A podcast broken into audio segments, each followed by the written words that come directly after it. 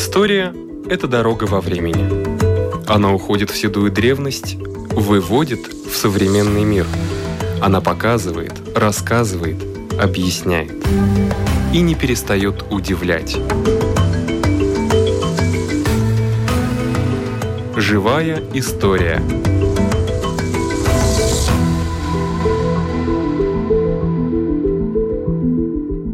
У микрофона Лидия Чера.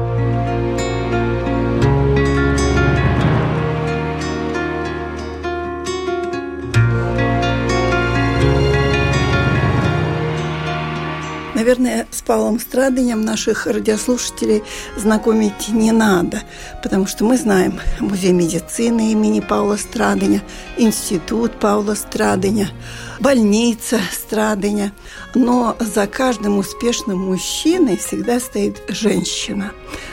Сотрудник музея медицины имени Павла Страдыня Рита Гравере. Вот что за женщина – да, это очень интересный вопрос. Тем более ее первую биографию в 1982 году написала ваш сотрудник радио, то есть Ингрида Строда. Она первая попросила интервью у жены Павла Страдыня, Нины Федоровны Страдынь, девичья Малышевой. Она прожила 94 года, то есть пережила Павла, но у нее очень интересная судьба. И в чем она интересная? Она интересная в том, как она описывает вообще встречу с Павлом, потому что они встретились в 20 году на одной операции – когда Нина держала эти инструменты и голову маленькой девочки, а Павел был ассистентом профессора. И где это было? И это было в Петербурге, поскольку после окончания Петербургской медицинской военной академии Павел еще стажировался у профессора, хирурга Федорова. И они встретились вот на этой операции. Впервые. Впервые. И что интересно, что Нина посмотрела на Павла и подумала, какое красивое славянское лицо. А Павел посмотрел на нее и сказал, если не будешь хорошо держать, а она первый раз одела шелковое платье, то будет плохо. И такая была их первая встреча, которую Нина вспоминала до своей смерти и в нескольких воспоминаниях и написала. Потом они подружились, и это тоже такая интересная дружба, потому что, ну, кто Страдынч Павел? Он тогда был студентом, очень интересовался медициной, и было его увлечением, а история медицины тем более. А у отца Нины была огромнейшая библиотека в Петербурге. Но он, конечно, женился на Нине, но мое мнение, что он женился на этой библиотеке и на очень большой коллекции гравюр. Но это так, с юмором говоря. Вообще, Нина родилась в Астрахане. И у нее отец Федор Малышев тоже интересный человек, выбился сам в люди. Одно время Нина э, рассказывала э, нашей Ингриде Строде, что он был народовольцем, но я думаю, что больше соответствует правде то, что он начал как служащий, помогал и потом был сотрудником банка одного из э, братьев Нобелей, то есть на юге Украины. И там он дослужился и в 1904 году стал Валде, управление этого банка. Да. Так что он уже был банкир, построил дом. Отец мечтал, что у него будет дом, где он расположит все эти свои коллекции, огромнейшие коллекции книг и гравюр. Когда вы упоминаете братьев Нобеля, я знаю только одну Нобелевскую премию. Да, да, да. Но... Имеют ли отношение эти братья? Да, да, конечно, они родственники. И потом у э, Нины мама была из торговцев, она вышла Смирнова по фамилии. Интересно, что, что у одного из этих братьев, по-моему, он был Эмиль, у него дочь стала врачом. И когда Нину несколько раз спрашивали, почему она хотела стать врачом, она говорила, что у нее один из дядей был врач, но особенно ее удивила вот эта дочь Нобелева, которая построила в Петербурге больницу, и она была как таким факелом, почему она выбрала профессию доктора. Но вообще в семье было, у нее было трое братьев, такие очень интересные. Один из братьев, Алексей, по-моему, старший или второй Алексей был, он стал прообразом Белой гвардии офицера Малышева по фамилии Малышев. Mm-hmm. Второй брат Александр окончил политехнический институт, по-моему, в Риге, и он потом приехал в Германию и поселился туда. И Борис стал врачом, его потом выслали вместе с отцом. В общем, там такая большая биография. И у нее были еще две сестры. Одна из них эсерка-революционерка, потому что ее в эту организацию завел ее родственник Калашников. Есть такая огромнейшая красивая книга, которая авторы два. Жилинский и Абиндер по следам предков и потомков. Семейная история, домыслы, находки, встречи. 2020 год, третий том об этой семье Малышевых. Но это очень такая интересная. Ну и когда Ян Страдынч уже начал больше интересоваться этой семьей, он там почти приписал, конечно, Ленина, ну, поскольку у него такая бурная фантазия. Но семья очень интересная. И поэтому, когда Нина в 20 году поступила в Петербургский женская медицинская институт, она поступила туда и выбрала физиотерапевта. Если мы вспоминаем, что Страдень в 1944 году шел по квартирам и собирал вещи уехавших врачей, то в 20 году Нина, уже когда арестовали отца и брата, она осталась сестрой Александрой в огромной квартире в Петербурге, и их юных вот этих девочек посылали по пустым квартирам в 20 году собирать вещи уехавших, эмигрировавших богатых людей Петербурга. Петербурга. И я подумала, как переплетаются вообще интересно судьбы. Ну, потом она, конечно, стала врачом, и она очень хорошо рисовала, поскольку у нее в семье со стороны матери были, были такие, ну, почти художники, и поэтому она очень красиво рисовала, и дошло до того, что Павел, значит, попросил ей сделать все рисунки для его докторской диссертации. Ну, она, конечно, и сделала. Ну, в 23 году так повернулась судьба, что пришлось выбирать. Отец и мама присылали письма Павлу, что надо возвращаться, ну, Нина, конечно, не хотела, но Павел, я думаю, если бы ему предложили остаться в Петербурге, наверное, он бы остался, но поскольку у него был выбор в Ташкент или Рига, он в 23 году возвратился в Ригу. Ну, Нина в 24-м последовала. Угу. Ну, и здесь но она еще не была его живой. В 23-м они поженились, поженились. и она приехала через год, 24-й.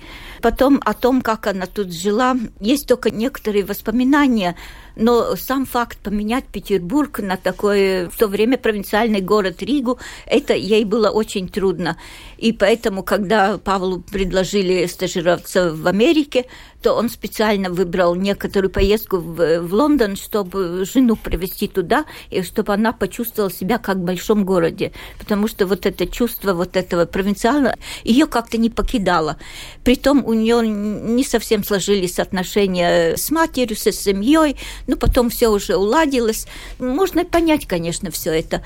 Но самое интересное то, что в 24-м она приехала, и уже в 28 году на чистом латышском языке она сдала экзамены, пересдала экзамены на врача в Латвийском университете. И в 28 году получила диплом врача-рентгенолога, поскольку здесь физиотерапии еще не было. И поэтому она э, училась здесь у профессора Вебера в Риге и начала потихонечку в Риге вводить в тех клиниках, где работал Павел, вводить физиотерапевт. Так что она не почти основоположник, но один из основоположников этой дисциплины в Латвии. Когда появился маленький Янис? Сперва были две дочери. Майя и Ирина, Ирина художник и Майя э, Володникс. Э, языковед. Языковед. И потом уже Янис появился в 1933 году. Ну, это отдельный разговор, может быть, о Янисе поговорим, поскольку Янису в этом году исполнилось бы 90 лет, такой большой юбилей. Он тоже очень такая интересная фигура. Но он январский, мне кажется. Нет, он декабрьский. Декабрьский, правильно. Январский сам Павел.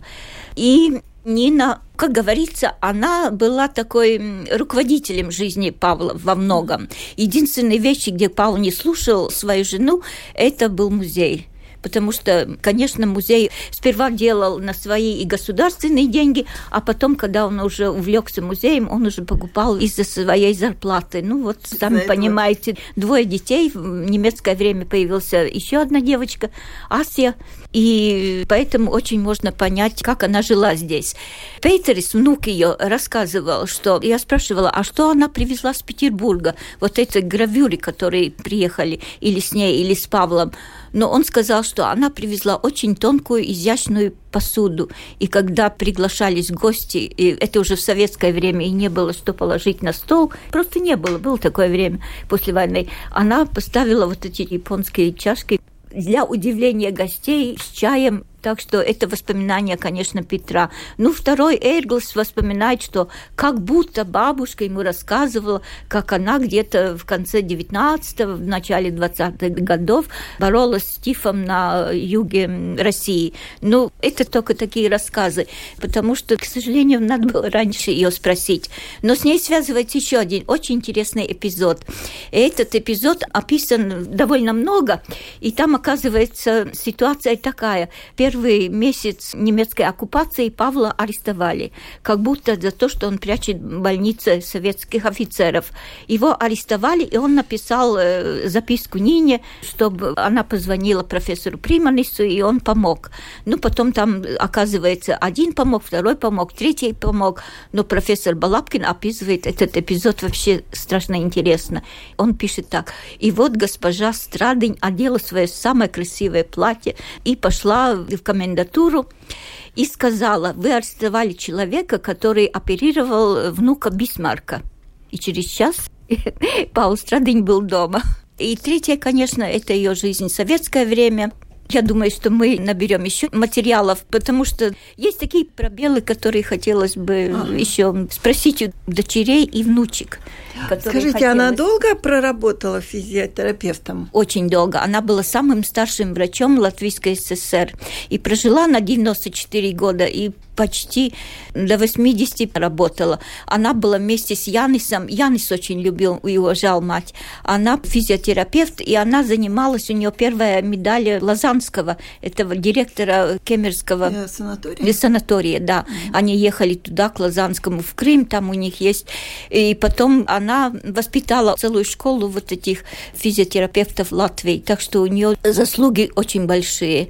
Ну и в конце уже жизни более-менее она подружилась с директором истории медицины, с Марией Семеновной Лебедьковой, и тут она помогала и, и чествовала здесь свои юбилеи, так что осталась в жизни под конец вот тот музей, который муж устраивал и делал, так что это была такая ее последняя радость. Ну и, конечно, внуки и дети. А когда ее не стало? Ее не стало в 91 году, 94 mm. года. Ну да, но в общем, если вы найдете какие-то пробелы, то милости просим нам на радио. До свидания. У нашего микрофона была сотрудник Музея истории медицины имени Паула Страдыня Рита Гравера.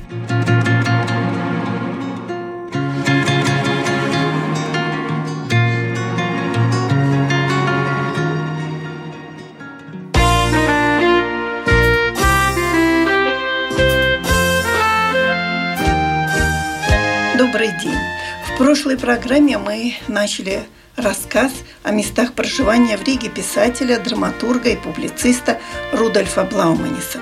Он родился 1 января 160 лет назад – Напомним, что на протяжении его недолгой жизни, всего 45 лет, он не обзавелся жильем в Риге, поэтому каждый раз останавливался или в гостинице, или у многочисленных друзей. Рассказывает старший специалист музея Яна Розенталя и Рудольфа Блауманиса Майя Лаймите. Слушаем интервью по-латышски, а затем будет перевод на русский.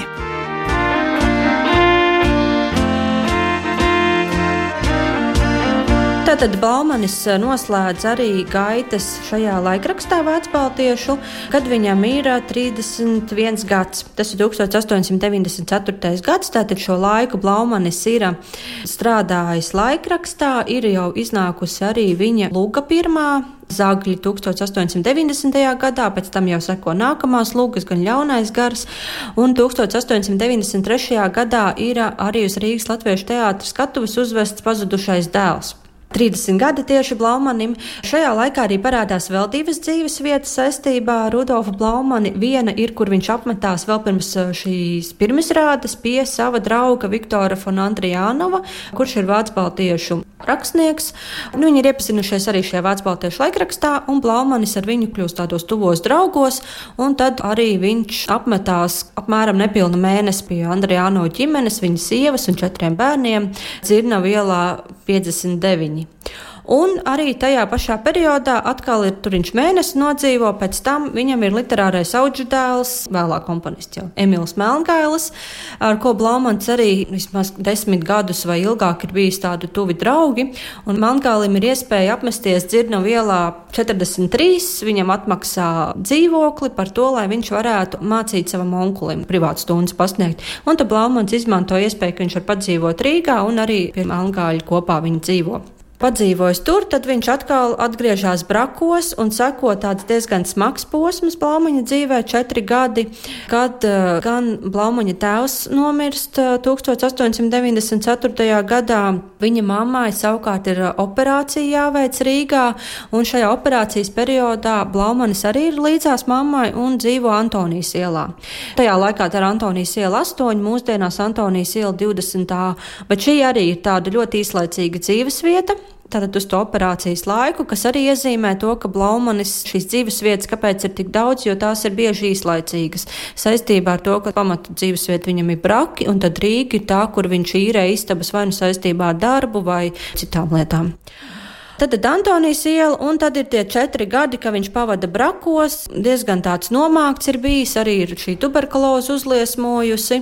Bet tajā laikā ir tapuši arī vairāki Blaumanim jau vēlāk zināmi darbi. Vienu piemēru var minēt to pašu pasaku vēlniņi, arī dzējoļi, vēl tu nezini, un citi, kas ir tapuši. Līdz ar to, nu, kaut ko viņš arī strādā pie saviem darbiem, bet, nu, cik noprotams, tas periods jā nav bijis vieglākais.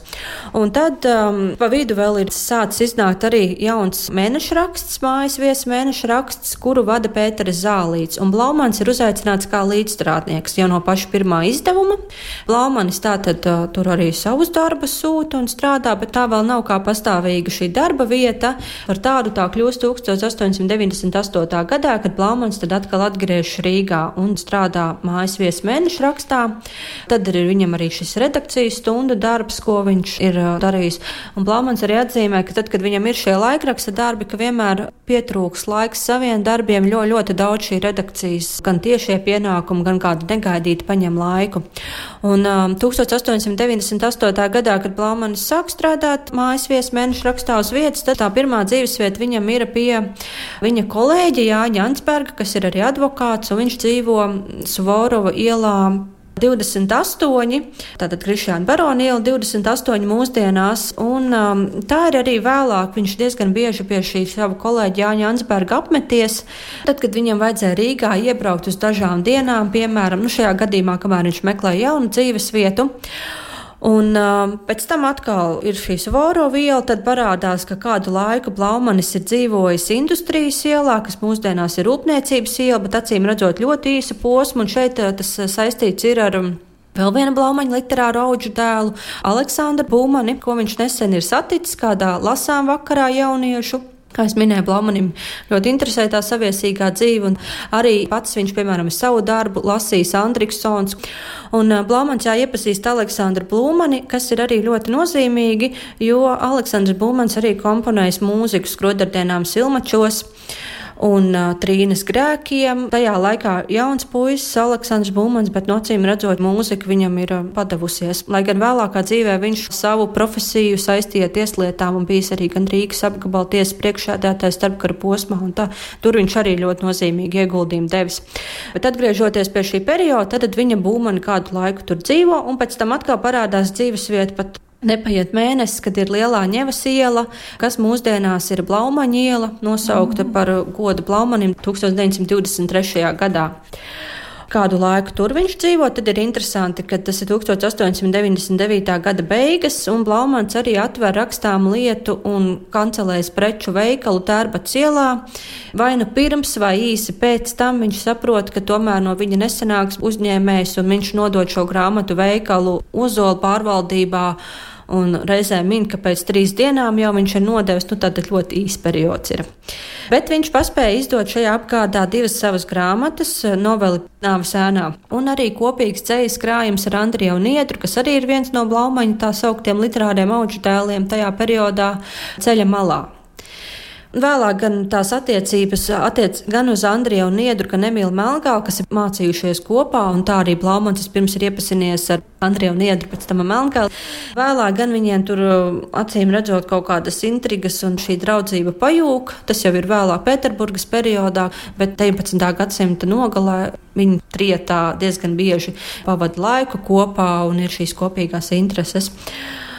Un, uh, tad, tad iznāk šis zemoļu krājums, 1900. gadu to atzīmēts, un arī Blaumans atkal maina dzīvesvietu. Nākamā dzīvesvieta savukārt ir pie gleznotāja Vilhelma Purvīša. Blaumanis pats raksta, ka viņš dzīvo pie lielākā latviešu gleznotāja Vilhelma Purvīša. Un, um, tas ir tajā laikā Nikolai Bulvārī 6, mūsdienās Krišāņa Valdemāra iela 6. Šajā ēkā Blaumanis nodzīvo gadu, nu tātad īrē istabu no 1900. gada mārta līdz 1901. gada pavasarim. Kādu laiku pie viņa arī vasarā ir dzīvojis brālis Arvīts, tātad uz Rīgu atbraucis, un arī jāmin, ka Blaumanis acīm redzot, viņi īrējuši kādu istabu majoros, kur ir gan brālis braucis dzīvot, gan arī tas pats pieminētais Emīls Melngailis. Nu, acīm redzot, kā jau gribās visiem vasarā pavadīt pie jūras, tad Blaumans no rītiem uz redakciju un pēc tam uz uh, majoriem braucis. Nodzīvojis tātad gadu apmēram pie Purvīša. Blaumans īsu laiku vēl ir apmeties Vīlandes ielā, nav zināms, kāpēc, bet parādās vēstulēs, ka viņš pats norāda kā savu adresi. 1901. gada martā tad arī rakstnieks pamata darbu līdz ar citiem saviem kolēģiem no Pētera Zālīša vadītajiem tātad šiem izdevumiem, kas ir gan mājas viesis, gan mājas viesis mēnešu raksts un dienas lapa. Un tad viņš aizbrauca uz brakiem. Pavada atkal vasaru brakos, raksta darbus. Arī 6. maijā ir bijusi pirmizrāde vēl vienai viņa lugai no Saldenās pudeles. Un tad viņa gaitas sākās Pēterburgā, sāk iznākt jaunās Pēterburgas avīzes, kurām izdevējs Rāviņš ir uzaicinājis Blaumani, lai piedalītos, un um, Blaumanis aizbrauc, sākumā viņš tā kā apskatās, kas un kā, un tad viņš piekrīt, ka viņš strādās tur. Un tad nākamos četrus gadus Blaumanis dzīvo Pēterburgā, tur arī parādās vairākas adreses, kur viņš ir mītis, bet nu pārsvarā tas saistīts ar šo redakciju. Nu, redakcijā augstāvā viņš ir dzīvojis jumtistabiņā, tā varētu teikt. Vai arī kādā blakus lejā telpā. Nu, tad tas vairāk saistīts tieši ar pašu redakciju. Bet uh, tas redakcijas darbs nu, nenotiek tik ļoti, kā gribētos, jo Blaumanis ir uh, uz vietas, kas vada. Tikmēr Andrievs Niedra, kurš arī vada literāro nodaļu šajā laikrakstā, ir projām ārstējās Davosā. Savukārt um, arī redaktors Vilis Olaus Plute arī nav uz vietas. Un līdz ar to sanāk tā, ka Blaumanim tur ir šis sakari ar kolēģiem, nu, ar dzelzceļu starpniecība notiek, tiek sūtīta un tā, un tad to praktisko darbu viņš vada uz vietas. Nu, un arī pats Blaumans atzīmē, ka šis periods Pēterburgas, nu, ir tāds diezgan smags bijis un nomācošs, lai gan arī tur viņš iepazīstās ar um, vēl vienu savu literāru auģu tēlu. Kārli Kraujiņu, arī Emīls Melngāls ir Pēterburgā šajā laikā. Blaumans arī dziedājis viņa korī, tur arī teātra dzīve noteikti. Nu, tā kā viņš iesaistās šajā sabiedriskajā dzīvē arī Pēterburgā. Bet, nu, saviem darbiem varbūt mazāk laika viņam paliek. Lai gan ir jāatzīmē, ka šajā periodā ir tapis gan Blaumaņa darbs tālavas taurētājs, gan arī, nu, jau uz vairāku šiem Pēterburgas pēdējiem gadiem arī Luga Indrāni vai tā rakstīt Pēterburgā vai Brakos, varbūt pa vasaru, nu, to tā nevaram precīzi pateikt bet šie darbi iezīmēs. Un arī interesanti, ka it kā Blaumans tajā laikā ir um, tomēr liela pilsēta Pēterburga dzīvo, bet tāpat tie viņa darbi ir vairāk saistīti arī nu, šie paši intrāni ar latviešu lauku sētu. Un tas arī jāatzīmē, ka Blaumanim tā pilsētas dzīve ir, tātad viņš ir dzīvojis ļoti daudz, bet viņa darbos maz tas parādās. Nocīm redzot, tomēr Viņam nav tas uzrunājis, lai ietvertu. Un uh, Blaumanis līdz 1904. gadam pavada pa Pēterburgu, kādu brīdi viņš tur arī atgriežas. Un arī šajā periodā, kad viņš ir Pēterburgā, Blaumanis uh, apmetās ļoti bieži pie um, Jāņa Ansberga kolēģa iepriekš minētā. Uh, un šajā laikā jau tas ir Suvorova iela, tad Krišāna Barona iela mūsdienās desmit un astoņi, tur mainās tās dzīves vietas. Tad atgriezies Blaumanis ir 4. gads, 1905. gads, kad sākās šī revolūcija. Blaumanis pavada gan Rīgā, gan arī Brakos un daļu laika arī Valmierā. Rudens periodā viņš ir Valmierā saistībā ar lūgas iestudējumu. 1906. gads, kad Blaumanim ir 44 gadi, tad viņš atkal atgriežas uz dzīvi Rīgā, un ir šī tātad viņa dzīves vieta Alberta ielā 12.9, kur arī mūsdienās ir tātad Jaņa Rozentāla Rudolfa Blaumaņa muzejs. Blaumanis sāk īrēt istabiņu pie glaznotāja Jaņa Rozentāla, ar ko viņš ir iepriekš arī bijis pazīstams. Nu, viņi varētu teikt, tā doma biedra viņiem ir kopīgs intereses māksla, literatūra, teātris. Un uh, Blaumanis īrē augšā blakus Rozendāla darbnīcā, tad dzīvokļu otrā stāvā nelielu istabiņu, nodzīvo tur līdz vasarai, tad vasaras sākumā atkal dodās uz brakiem. Kādu laiku viņš arī guļ slimnīcā, saslims ir, ir jāārstējās.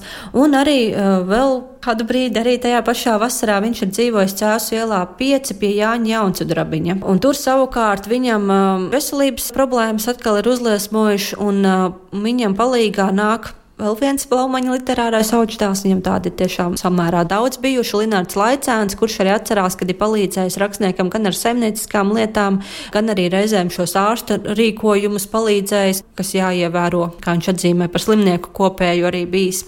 Un Jaunsudrabiņš, cik var noprast, viņš ir to vasaru pavadījis arī kaut kur ārpusē, ne tikai tajā dzīvoklī, tāpēc arī Blaumans tur ir apmeties uz laiku, ka viņš ir atbraucis, tad vienmēr tur ir kādi ciemiņi bijuši un uh, viesos atnākuši, nu tāda dzīva kustība bijusi arī dzīvoklī.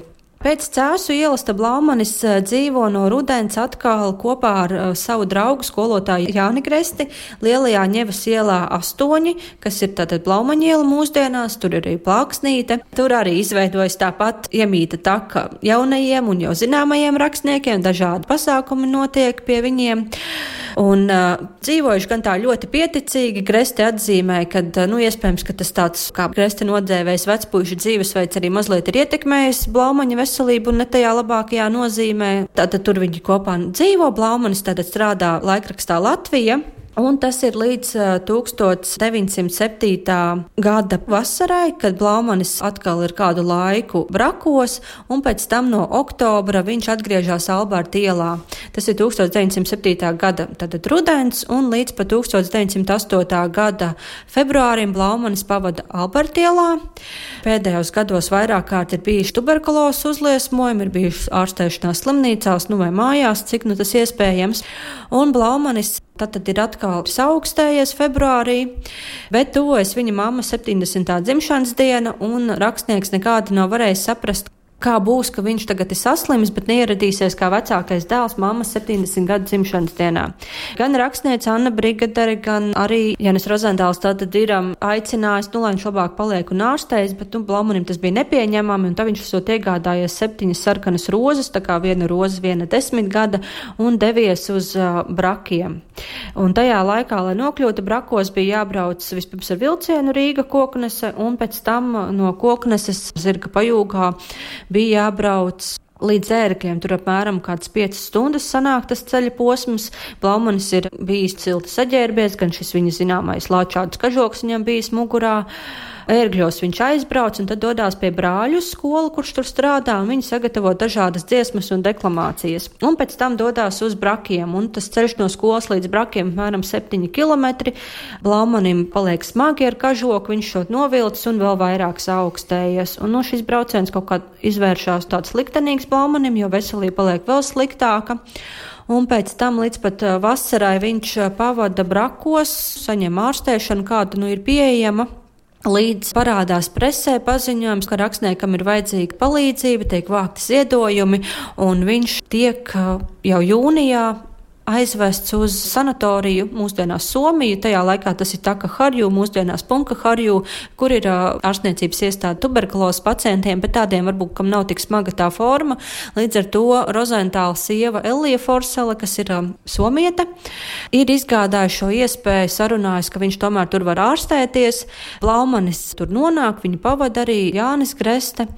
Ceļā sākumā ir mazliet uzlabojums, tomēr 4. septembrī pēc vecā stila 22. augustā Blaumanis nomirst eh, šajā ārstniecības iestādē.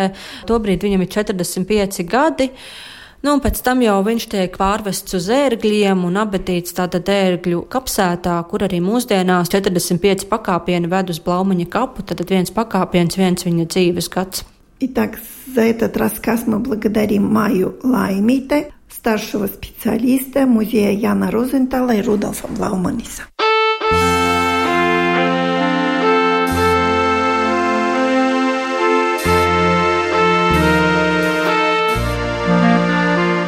31 года он работал в немецкой газете, но одновременно писал и для театра. Уже была поставлена пьеса «Блудный сын».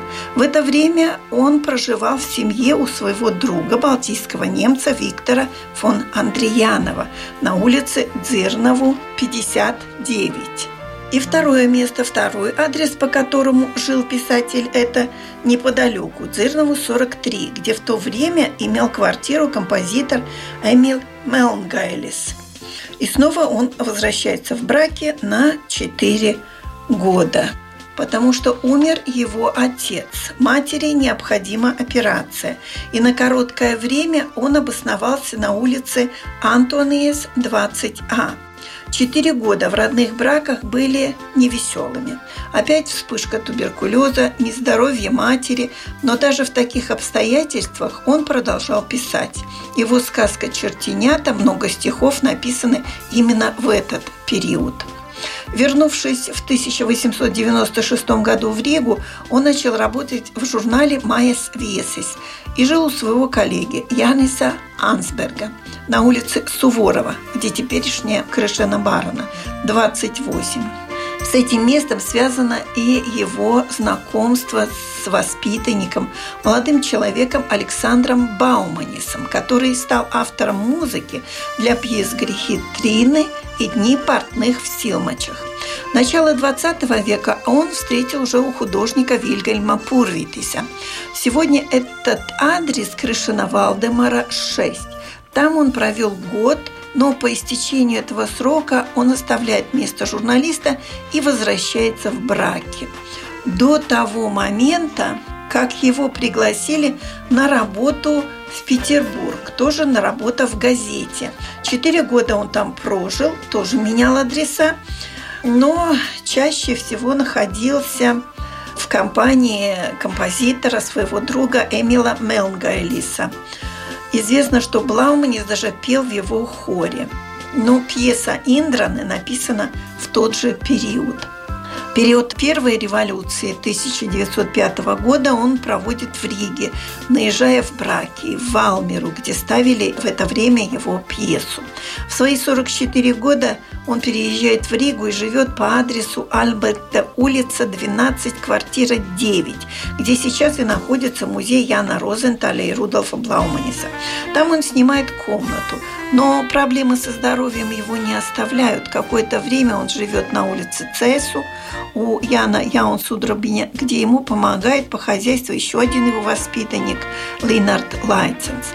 С осени он переезжает на улицу Большую Невскую, теперешнюю улицу Блауманя, к школьному другу Янису Гресте. На доме и сейчас есть памятная табличка. Последний год он провел на улице Алберта, постоянно болея. Но приближался юбилей матери – ее 70-летие, и как старший сын он не представлял себе, что туда не поедет. Поехал, но простудился еще больше. И сколько ни старались его друзья, отправляя в финский санаторий, спасти его уже не удалось.